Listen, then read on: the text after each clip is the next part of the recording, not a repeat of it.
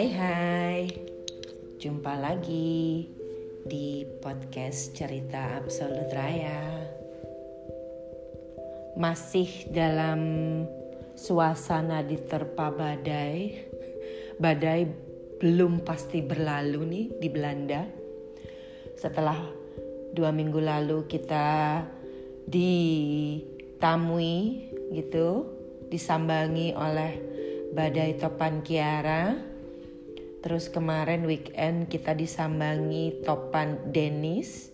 Katanya next week kita bakalan kedatangan tapu, tamu badai Ellen. Gak kelar-kelar, Bo.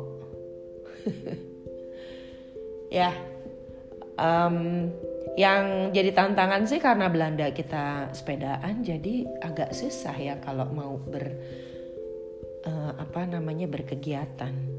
Tapi tetap semangat. Semua tetap berkegiatan tuh kayaknya orang-orang di luar hebat. Sementara saya kelukupan di dalam rumah. Oh, terus yang masih ragu apakah mau memulai drakor Crash Landing on You atau tidak? Karena gue lihat postingan teman-teman sosial media gue semua yang terambiar-ambiar nonton endingnya Crash Landing on You. Belum mulai sih. Drama Korea selalu pas lagi kemarin, eh bukan drakor ya, nonton Parasite aja kemarin. Ya, oke. Okay. Uh, eh, kali ini kemarin tuh lagi buka-buka catatan-catatan dulu waktu benar-benar masih aktif di, di dunia agency. Terus ternyata nemu suatu kertas yang gue bikin yaitu tentang personal branding gue sendiri. wow, penting banget ya. Kayak apa? Kayak segitunya aja gitu ya. Uh, gue sampai ada personal brand. Tapi waktu dulu itu kayaknya gue buat mungkin ada 10 tahun, 15 tahun yang lalu ya. Jadi gue bikin personal brand plan gitu yang cuman kayak sebetulnya itu kayak vision aja gitu. Uh, eh, gue breakdown dalam 20 tahun gue mau ngapain tiap lima tahun tuh gue ngapain. Yang basicnya tuh pada saat itu adalah family sama kerja ya. Keluarga dan kerja. Dan ada cinta juga loh pada saat itu yang gue targetkan yang tentu saja meleset Karena jodoh, kematian, dan rezeki itu di tangan Allah.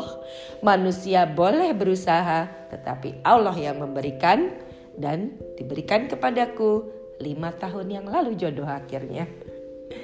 Dan berada di sini. Di tengah topan badai. ya, di situ gue tulis kapan pekerjaan gue itu harus evolve kapan aset-aset gue itu harus bekerja. Dan itu juga korelasi dengan keluarga yaitu pada saat itu anak gue hanya satu Raya sampai saat ini juga plus tiga anak bule gue. Jadi pada saat itu tuh eh, bagaimana ketika anak gue harus masuk eh, harus masuk SMA masuk kuliah ya. Terus di mana nanti dia harus melanjutkan kuliah, uh, terus KPR ya, yang 10 tahun, 15 tahun, di situ harus lo bayar, di situ udah lunas, terus lo bisa ngapain, rencana naik haji lagi apa, apa selalu umroh gitu, kayaknya traveling yang memang harus wajib gitu yang dimasukkan ke plan supaya kejadian ya gue ngerasa kalau traveling spiritual tuh menjadi salah satu kewajiban. Karena ya itu kewajiban aja di, di, di, di. Kayaknya kalau udah melakukan kewajiban traveling yang spiritual itu yang memang diwajibkan jika kita mampu itu melakukan traveling yang lain-lain tuh kayak uh, lebih lebih lebih lebih lega gitu. Karena kayak PR utamanya udah dikerjain. Nah uh, personal brand plan itu ternyata nggak hanya nggak hanya duit aja ya. Tapi ternyata setelah gue lihat dari yang gue bikin dulu itu memang evolve dan lo harus um, terjawab gitu kalau kalau lo mempunyai suatu brand, mempunyai suatu imaji terhadap diri lo sendiri dan terhadap lingkungan sekitar. Bukan hanya karena itu untuk apa ya egoisme semata, tapi kita lihatlah sekarang gitu ya kayak orang-orang uh, di dunia ya artis gitu. Lo bisa lihat gitu keluarga Kardashians dan keluarga Jenner itu apa brand image-nya seperti apa. Dan dengan bisnis-bisnis yang dia punya dan dengan gaya hidup yang dia punya ya nggak? Mungkin sama gitu. The, the royal family namanya aja udah royal family ya bo. Brand plannya udah apa brandingnya udah jelas banget tuh sebagai keluarga sebagai orang. Dulu gue pernah inget si um, Victoria Beckham itu uh, I wanna be a Purcell. Purcell itu kayak apa sabun sabun cuci pada saat itu tapi ngetop banget gitu. Yang jadi ya gue pengen sengetop itu gitu. Apa pun gitu tapi pokoknya gue pengen sengetop itu which is menurut gue kayaknya mungkin dia udah achieve ya Victoria kayak gitu plus nama Beckham. Well you know the branding already gitu. Madonna um, Taylor Swift atau sekarang uh, Billie Eilish. Uh, Jello gitu. Itu itu semua brandingnya itu jelas gitu. Yang di dalam satu hal misalnya si Ellen DeGeneres atau uh, Adele ya di lokal juga ya yang yang lokal Indonesia maksudnya masing-masing punya personal brandingnya sendiri gitu um, artis ini terkenal dengan seperti ini ya atau memang misalnya sosialita ini gitu. Ya itu karena ada beberapa faktor yang membuat mereka seperti itu. Dan juga yang gue rasa kalau gue coba adaptasikan di diri gue tuh kenapa ngerasa lo harus yakin bahwa apa? Lo tuh mau jadi apa? Lo mau jadi lo ngerasa lo tuh interest di mana? Lo mau jadi apa? Dan bagaimana mencapai itu gitu. Nah ini gue coba eh, sempat google-google nih gitu. Dari beberapa postingan. Nah ini gue coba ambil dari uh, eh, 10 Golden Rules of Personal Branding dari Forbes, Magazine ya, Forbes.com. Ini ditulisnya 8 November 2018. Ini dia kasih contoh di sini ada Oprah Winfrey. Ya itu personal brandingnya juga oke okay ya ya eh, nggak eh, usah ngoyo sebetulnya personal brand asal lo tahu sebetulnya mungkin ya step-step ini gitu supaya buat buat lo nggak nggak labil aja jadi lo tahu apa yang lo mau dan apa yang lo kerjain dan relax ngerjain ya nggak usah ngoyo gitu bukan berarti juga jadi uh, apa tekanan ya gitu di sini satu ada yang dibilang uh, have a focus gitu. Jadi fokus. Banyak orang itu nggak fokus katanya dalam tujuan hidupnya. Jadi banyak juga yang misalnya tadinya pengen jadi apa, terus jadi apa, terus pengen semua, pengen semua. Itu dia. Ya siapa sih yang nggak pengen semua ya. Tapi untuk the best personal brand itu adalah yang sangat spesifik. Jadi misalnya lo tuh orang apa misalnya lo itu suka masak. Oke okay. masak masak apa? Spesifik gitu. Lo spesialis masak lumpia misalnya gitu. Lumlia jadinya. Ya udah lo di situ aja pegang ya. Atau misalnya lumpia dan kawan-kawannya yang sekitarnya aja. Tapi lo nggak perlu misalnya lo uh, jump ke mie ayam gitu misalnya. Atau misalnya lo di fashion ya udah. Lo tentang lifestyle jadi nggak usah semuanya. Nggak usah lo ke medis nggak usah lo ke teknologi gitu ya nggak usah semua. Jadi lo makin makin fokus dengan dengan interest lo dan itu mesti harus harus lo suka ya supaya lo nggak maksa gitu. Pelajaran dari diri gue sendiri ya kalau gue seneng um, marketing seneng networking seneng advertising jadi gue seneng yang yang berbau dengan communications dan informasi gitu. Ya udah gue ber berkutat di daerah itu gitu. Nah, dari situ yang kedua adalah be genuine. Nah, harus jadi original ya di brand lo.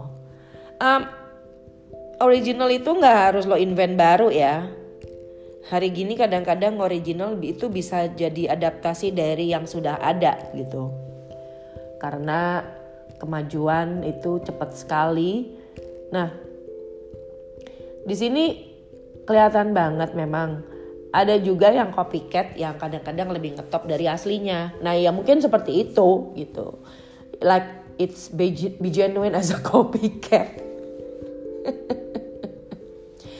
Di sini dibilang, be genuine. It will make much easier to manage your personal brand on a daily basis, kata William Harris. Facebook Ads Expert at Illumint. Nah, ya karena di situ memang lo menjadi uh, master dari apa yang lo suka. Kayak tadi lah, Misalnya gue buat lumpia gitu, lumpia. Oh genuine, kenapa? Ya karena misalnya lumpia juga udah banyak ya. Tapi lumpia lo apa? gitu. Lumpia gue misalnya hanya pakai apa? Udah pokoknya rasanya kayak gitu. Eh KFC, yes KFC tuh. Mau ayam ada kayak gimana ya tetap aja dia genuine gitu. Dan sebagai personal brand juga kalau genuine ya kalau itu kalau sebagai diri ya itu kan kayak lo create something gitu. Tapi kalau misal sebagai diri lo gitu lo apa gitu kan? Gue misalnya karena gue urutannya gitu karena gue dari komunikasi gue be genuine. Kenapa? Misalnya gue kalau ngomong um, direct gue kalau ngomong um, informal atau ada orang yang ngomongnya formal gitu atau nah jadi ada yang genuine gitu nama lo kah? Gitu. Kayak gue misalnya jadi absolut raya. By the way gue udah pakai itu hampir kayak um, 15 tahun. Wow gitu. Dan itu uh, nama yang agak menarik juga karena gue temukan ketika ada sebotol vodka. Absolut vodka di kiri gue dan foto raya anak gue di kanan gue. Ketika gue membuat suatu account yang gue inget sok itu pertama kali gue buat hotmail ya jadilah absolut raya sampai sekarang. So But itu kayak brand online gue ya. Sampai sekarang semua sosial media gue pakai Absolut Raya. Well it it it, it ya udah gitu. Karena hidup gue pada saat itu uh, masih uh, bersama Absolut. Dan gue rasa sekarang walaupun gue udah pensiun minum tapi Absolut Raya which is anak gue itu tetap menjadi um, tujuan absolut hidup gue. Dan yang ketiga menurut uh, Forbes adalah tell a story. Nah, kalau misalnya di sini dibilang if your personal brand isn't telling a story, you already lost out of your potential audience. Jadi bercerita. Yang menjadi efektif dari personal branding uh, strategi adalah uh, membangun cerita yang jujur. Ya. Jadi cerita jujur tentang lo, uh, tentang bagaimana kehidupan lo gitu. Itu sebetulnya sekarang sih tanpa sadar orang Indonesia tuh sebetulnya udah banyak ya yang mempunyai uh, tell a story gitu karena kita kan orangnya senang cerita gitu. Contohnya di sosial media lah gitu. Dari situ lu kadang-kadang udah tahu gitu. Ini orang itu um, apa dari cerita-ceritanya gitu. Misalnya satu orang senang memberikan informasi tentang kesehatan atau tentang fashion atau tentang makanan ya atau tentang teknologi gitu teknologi. Ada juga orang yang misalnya dia nggak suka memberikan informasi tapi dia senang challenging gitu apa misalnya bertanya gitu. Ini apa sih? Ini apa gitu misalnya atau ada juga orang yang misalnya senangnya nyinyir gitu atau curhat di sosial media. Dari situ sebetulnya lo bisa melihat ya, eh, tapi juga satu ya, sosial media itu ada pencitraan. Uh, biasanya sih kalau yang pencitraan itu yang bagus-bagus, namanya juga pencitraan ya, maksud ada sih pencitraan jelek. Jadi tipsnya gitu kadang-kadang adalah kalau orang bercerita tentang uh, suatu yang sangat-sangat bagus gitu pencitraan kadang-kadang mesti ada oke. Okay, kita kadang-kadang langsung bilang oh dia ini seperti ini. Tapi padahal enggak gitu. Itu pasti didapat karena kerja keras gitu. Atau memang kerja kerasnya itu macam-macam. Ya ada memang karena kerja keras. Ada juga yang kemarin-kemarin kan dengar-dengar banyak cerita yang fake it till you made it gitu yang emang bohongan tuh semua gitu pencitraannya. Misalnya nembak uh, apa tuh endorse lah atau bohong lah atau utang sana sini lah demi jalan-jalan dan pencitraan sosial media. Itu kan tell a story already. Jadi tapi itu pasti akan nah ini makanya yang dibilang you have to tell the real truth of you. Jadi lo mesti jujur karena walaupun lo nggak jujur akhirnya ujungnya lo akan ketahuan juga orang akan tahu gitu jadi jujurlah gitu ya terserah gitu lo mau jujur tentang perasaan lo marah lo tulis di sosial media atau cerita ke temen lo atau apa itu terserah itu jujur Cuman mungkin ya lo outtake-nya personal branding lo akan lo nih gerampi melulu gitu ya kan gitu. Atau lo kok kayaknya senang melulu gitu. Atau lo kayaknya kok sedih melulu. But that's the real you gitu. Itu itu itu lo menceritakan uh, bagaimana lo gitu.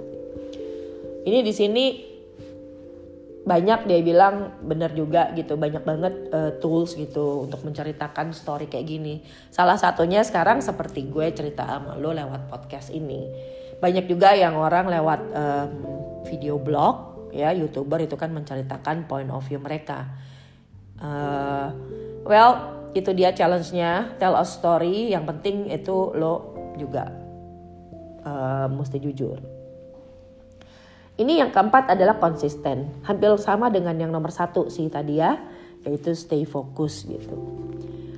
Um, kadang-kadang menjadi konsisten menurut gue itu susah.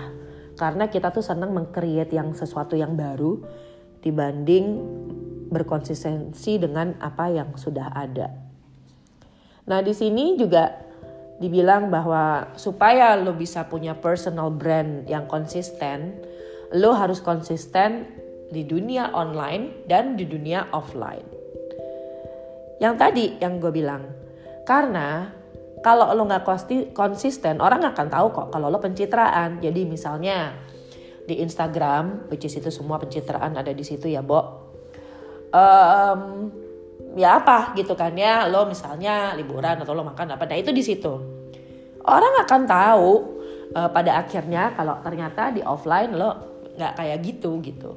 Misalnya nih lo di Instagram gitu misalnya lo ap, apa um, keren lah gitu. Atau misalnya lo cakep banget gitu tapi ternyata begitu ketemu offline-nya deng dong gitu tidak secakap filter Instagram yang dia pakai atau misalnya wow tidak setinggi atau se uh, keren bodinya yang dilihat di feed Instagram. Yes. Atau misalnya ternyata begitu lo datang ke event offline-nya tidak seasik waktu dia online, ya. Nah, oke okay, gitu. Um, mungkin ya memang bagusnya dia online gitu, nggak offline. Tapi kalau lo bisa match duanya offline dan online, itu personal branding yang se sinergi yang se hakikinya gitu ya uh, well let's say misalnya kalau lo di online atau lo di offline itu nggak nggak sama gitu. Ya orang akan tahu. Tapi kalau lo emang sama offline dan online ya itu ya orang akan oh iya sama. Dan orang jadi percaya ya kan? Itu akan kayak misalnya sesuatu yang konsisten secara visual ya atau secara personality dan orang akan associate dan tahu itu lo itu akan tambah emosional buat lo gitu jadi di offline dia lihat lo kayak apa begitu dia lihat online ya iya sama gitu itu kan akan sama gitu kasih apa namanya uh, impresi ya offline dan online Nah, dan yang kelima, be ready to fail. Ya, siap-siap untuk gagal. Nah, ini emang gak enak sih. Kegagalan itu pedih gitu kan ya. Misalnya kalau kegagalan itu tentu saja. Kalau online tentunya netizen netizen ya kan? Netizen yang maha tahu. Ya tapi itu part of the journey ya gitu. Karena ini the the very best brands always come from repeated trial and error mistakes and failures and not from instant perfection ya Kemarin gue nonton The Founder lagi yang ceritanya tentang McDonald's sama suami gue. Ya look gitu, McDonald's juga uh, mereka sekarang itu uh, terbentuk dari banyak sekali kerugian, eh, kerugian kegagalan-kegagalan ya. Dan sebagai personal personal brand plan gitu, personal branding itu pasti ada kegagalan-kegagalan lah gitu. Kegagalan itu kalau personal ya udah pasti relatednya ke personal ya, which is itu uh, komentar-komentar orang atau kritik-kritik orang atau apalah gitu yang memang ternyata nggak semudah itu gitu. Ketika lo mau menjadi konsisten. Pengalaman dari gue adalah ketika gue switch dari profit organization ke non profit organization gitu, uh, yang menjadi apa kegiatan utama gue gitu sekarang. Gue masih uh, juga aktif di profit ya di beberapa bisnis profit. Tapi juga banyak waktu gue sekarang untuk non profit. Itu ke ini ke fail gue tuh kadang-kadang ya bagaimana gue men-switch um, apa bahwa ini kan untuk komunitas ya. Jadi bagaimana supaya komunitas itu uh, juga mempunyai attachment terhadap uh, isu yang kita tampilkan gitu. Dan kadang-kadang itu nggak gampang. Kenapa? Karena memang itu bukan bukan bukan interest mereka gitu. Atau misalnya lo dicuekin, atau lo nggak dianggap, uh, lo merasa uh, cost lo itu nggak nggak di ya bukan menjadi prioritas, which is okay gitu. Atau misalnya uang gitu, funding gitu ya, lo belum dapet. Atau oh yes gue pernah gue ceritain kegagalan gue. Baru inget gue. Jadi waktu gue baru datang ke Belanda itu uh, gue memulai gitu ya melihat dan akhirnya gue memutuskan oke okay, gue coba aktif di yayasan ini. Kemudian pada suatu uh, saat gue gambling kayak bisnismen gitu jadi gue bikin event gitu. Pada saat itu gue belum kenal banyak orang. Gue belum kenal tahu. Jadi gue kayaknya baru setahun kayaknya di Belanda. Gue bikin event. Eventnya tuh yang mendatangkan uh, grup musik dari Indonesia.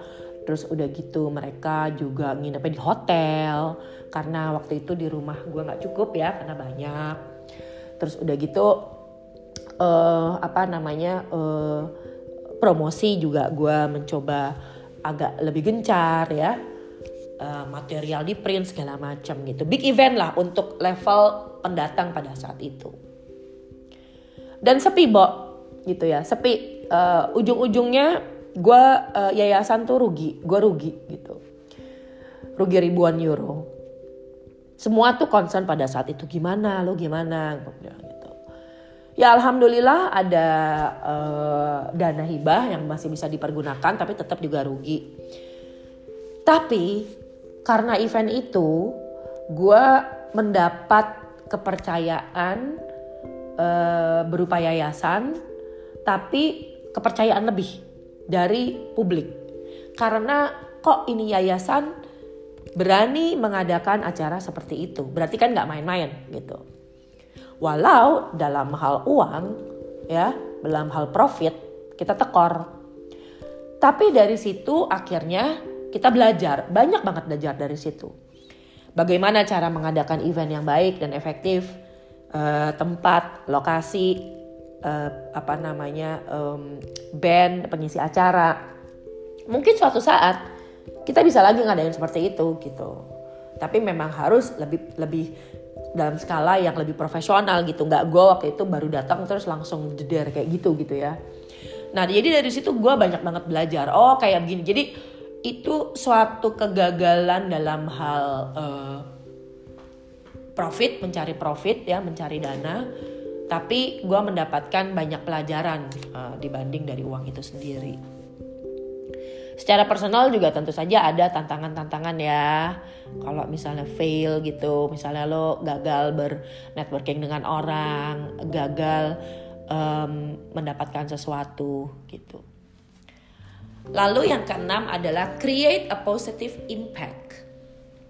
Nah, ini um, biasanya kalau gue lihat nih yang bagus itu adalah uh, apa sih efek yang kita berikan terhadap um, dunia luar ya gitu. Mau lo apakah lo itu misalnya kayak um, lo make up artist atau lo uh, make up uh, vlogger ya youtuber make up gitu. Itu positif impact gitu karena orang akan bisa belajar dari lo. Atau lo kuliner lewat uh, ngajarin orang.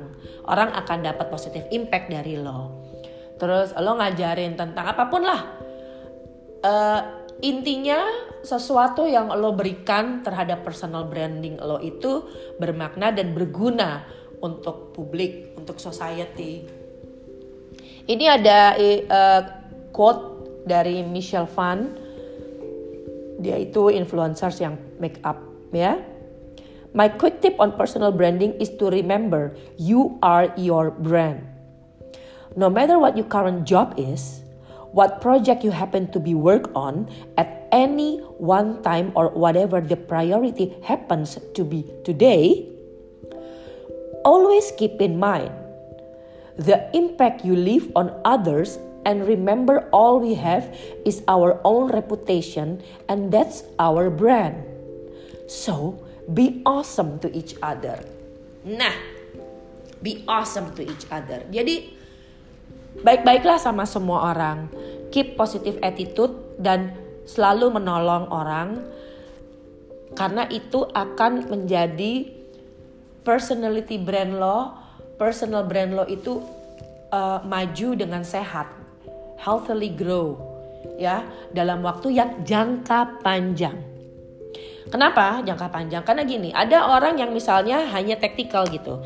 Dia ngebantu kalau dia begini, dia ngebantu kalau misalnya of course orang akan ngebantu kalau memang dia sempat ya. Maksudnya dalam arti sempat dalam arti oke. Okay, oke, okay, gue bisanya segini, gue bisanya segini. Tapi konsistensi kayak yang tadi ya. Um, positive impact. Jadi orang tuh akan lihat pasti akan ada ya orang yang akan netizen-netizen atau orang-orang offline juga yang kayak loser stock gitu atau memang nggak setuju dengan lo ya udah gitu anjing menggonggong kafilah berlalu aja. Take the positive from their comment ya. Misalnya dia kasih kritik apa lo orangnya gimana? Atau um, uh, konten lo atau uh, um, berita yang lo sampaikan itu seperti apa? Kurang cocok nggak pas? Atau kurang gini? Atau attitude lo atau personality lo atau apa pun lah gitu ya. Itu oke okay, take it gitu. Ya udah uh, menjadi masukan buat lo and move on. Kalau emang cocok ya cocok kalau nggak ya enggak gitu. Tapi lo yakin aja kepada diri lo bahwa I'm doing a good thing and a positive impact for the society ya. Nanti di depan orang insya Allah semoga ngerasain apa yang lo berikan itu.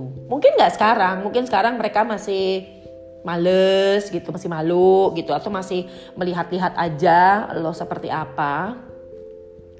Tapi gue yakin kalau emang lo tuh konsisten dan positif dan baik lagi kayak tadi uh, tulus jujur ya uh, akan ketahuan kok gitu akan kelihatan kok gitu dan sebaliknya juga ya kalau lo tuh cuman iseng-iseng doang atau cuman buat MMP ya mama minta panggung itu akan kelihatan juga bo gitu yang ketujuh follow a successful example. Nah example ini penting gitu. Kalau misalnya ada orang yang terinspirasi yang membuat lo terinspirasi gitu. Jadi kadang-kadang kayak kayak eh, kayak um, lo lihat lo Google lo baca gitu. Itu seneng gitu. Oh ternyata Steve Jobs itu seperti ini. Steve Jobs itu pernah di kick out dari perusahaannya sendiri yang kemudian dia balik gitu.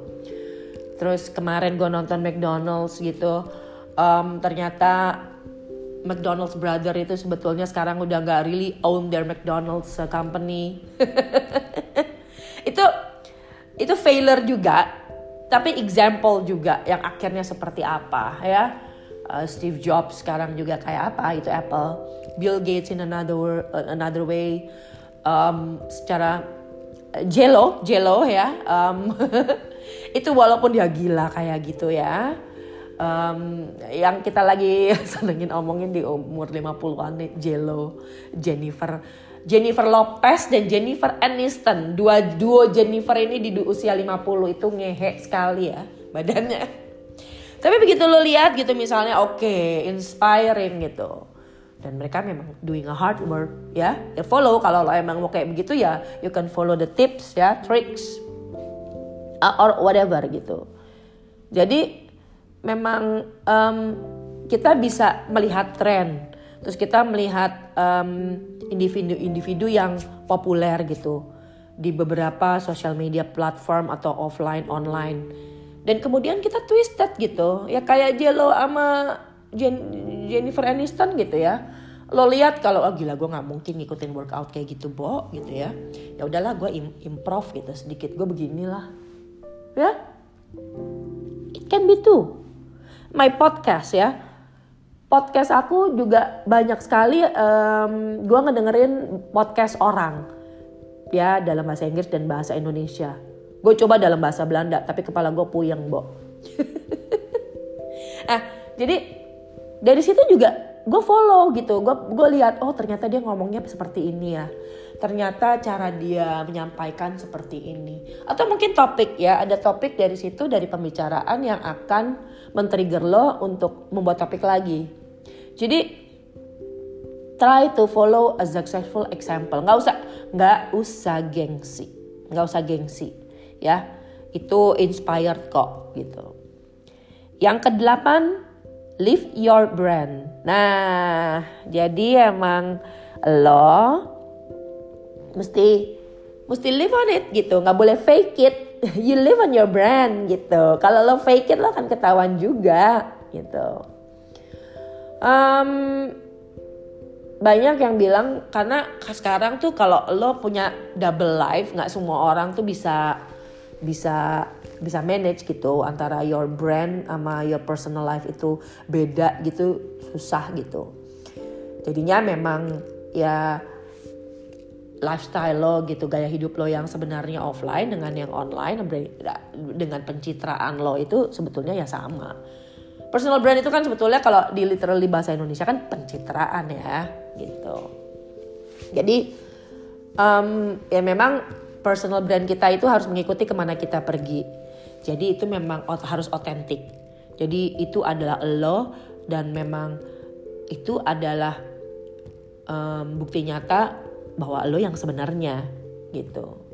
Jadi memang personal brand itu bukan kayak refleksi dari beberapa apa ya namanya um, uh, kumpulan dari uh, kerjaan lo dulu atau misalnya atau macam-macam lagi gitu. Tapi itu memang memang um, semuanya gitu. Uh, itu lo gitu, nggak cuma kerjaan lo gitu. Tapi you as a person, makanya itu personal brand. Jadi bukan um, commercial brand, bukan produk brand ya. You, you. Yang kesembilan, let other people tell your story. Nah, the best public relation is a word of mouth. Itu yang um, apalagi di society yang komunal seperti Indonesia ya. Kadang-kadang kita itu malah gue ngerasa dulu paperwork gue tuh kayak diploma tuh nggak pernah kepake. Tapi rekomendasi itu paling oke. Okay. Sekarang juga seperti itu, rekomendasi diberikan berupa review atau berupa likes atau bintang atau hati ya. Dan juga memang kadang-kadang komen orang itu lebih valid gitu. Di situ lo akan lihat orang akan bercerita apa tentang lo gitu. Personal branding is the story people tell about you when you're not in the room. Ayo, siapa yang temennya belum tiga langkah terus udah diomongin di belakang? Itu bercandaan kita tuh. Gila, Bo. Kalau malaikat, gue masih denger nih lo mau ngomongin gue. Suka bercanda. Terus kita ketawa. Jadi, kalau di luar orang bisa bisa menceritakan lo seperti personal brand yang lo bangun selama ini gitu you are on the right track gitu ya itu gitu jadi personal brand kayak um, ya di mana mana orang akan ngomong gitu Jelo bodinya gila dia teman lima nah itu kayak kayak sekarang tuh in general semua orang ngomongin dia kayak gitu gitu. Itu kan udah gitu itu personal brand udah jadi gitu yang di situ. Jadi orang yang ngomongin gitu. Masalah itu negatif atau positif ya balik lagi kayak tadi ya. Lo bisa lihat apakah itu failure apakah itu kritik membangun apakah itu memang loser talk ya. Diri lo sendirilah sebagai personal brand yang bisa memilah-milah di mana lo harus move on dan di mana lo harus taking care of that kind of inputs gitu Nah, ini yang yang yang kayaknya penting juga terutama di umur-umur segini. Leave a legacy. Ya. Building a personal brand is much bigger than building a business. The only exit strategy is legacy. Hmm. Ya. Wow. Ini memang um, ketika kamu membangun sebuah personal brand yang ada reputasi dan komunitas di dalamnya gitu ya reputasi sebuah sebuah lo ah sebuah seseorang lo dan komunitas di belakangnya nah itu adalah legasi yang bisa lo lo lo wariskan sebetulnya simpel gitu itu bisa evolve macam-macam ya dari hal yang kecil deh gitu gue ngerasa sebetulnya podcast kayak gini nih udah menjadi legacy um, pikiran-pikiran gue. Gue ngerasa social media um, track gue dalam beberapa hal itu bisa menjadi legacy gue. Social media mungkin enggak ya, tapi mungkin seperti podcast, website, uh, foto, video, buah-buah pikiran yang topik-topik yang mungkin bisa menjadi legasi di masa depan, mungkin masih berguna. Lalu sebagai personal brand juga kalau berhubungan dengan suatu kerjaan akhirnya suatu momen ini kenapa berpindah gitu ya. Apa legacy lo terhadap society gitu? Apakah sebagai orang iklan sudah membuat periklanan Indonesia begini begini begini dengan pemikiran dan teori dan wisdom dan yang lain-lain atau memang menginvent sesuatu platform digital atau offline yang menjadi uh, bagian dari dunia promosi atau misalnya seperti NGO yang akan bisa diteruskan dan society akan menikmati buahnya di masa depan ya jadi itu legacy. Sebagai personal, buah pikiran lo seperti apa dan sebagai society seperti apa. Society juga lingkupnya besar. Apakah itu cukup nilai-nilai di keluarga lo? Atau mungkin di saudara-saudara lo makin besar? Kemudian di teman-teman atau mungkin lebih besar lagi Indonesia, regional Asia, dunia, anything. The sky is the limit. Jadi create the right personal brand itu nggak hanya um, mengetahui diri lo sendiri dan lo menjadi konsisten, tapi juga akhirnya akan tahu who are you gitu, siapa lo sebenarnya, ya, gitu. Wow, 40 minutes, ngoceh. Ya, karena um, sebelum zamannya pencitraan um, oke okay, uh, that's it. Itu 10 tadi ya. Itu 10 um, kita summary dulu. Itu 10 golden rules of personal branding dari Forbes magazine. Jadi yang pertama itu adalah have a focus. Dua be genuine. Ketiga tell a story keempat be consistent kelima be ready to fail keenam create a positive impact ketujuh follow a successful example kedelapan live your brand Kesembilan, let other people tell your story. And terakhir ke sepuluh adalah leave a legacy. Ya, sebetulnya uh, balik lagi memang sebelum ada kata-kata pencitraan karena memang kerjaan gue dari dulu itu branding gitu.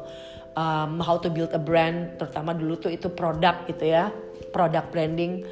Jadi menjual produk. Nah sekarang kan shifting ke personal branding karena sekarang banyak uh, youtuber, banyak um, key opinion leader, banyak influencer, which is mereka itu sebenarnya personal brandnya gitu, bukan bukan sebagai produk karena is a person, not a not a product. Nah jadi sama gitu. Nah waktu dulu gue coba implikasikan produk brand itu ke diri gue sebagai personal brand, yang sekarang ternyata udah menjadi biasa dengan adanya kanal-kanal sosial media yang bisa menjual personality sebagai brand gitu.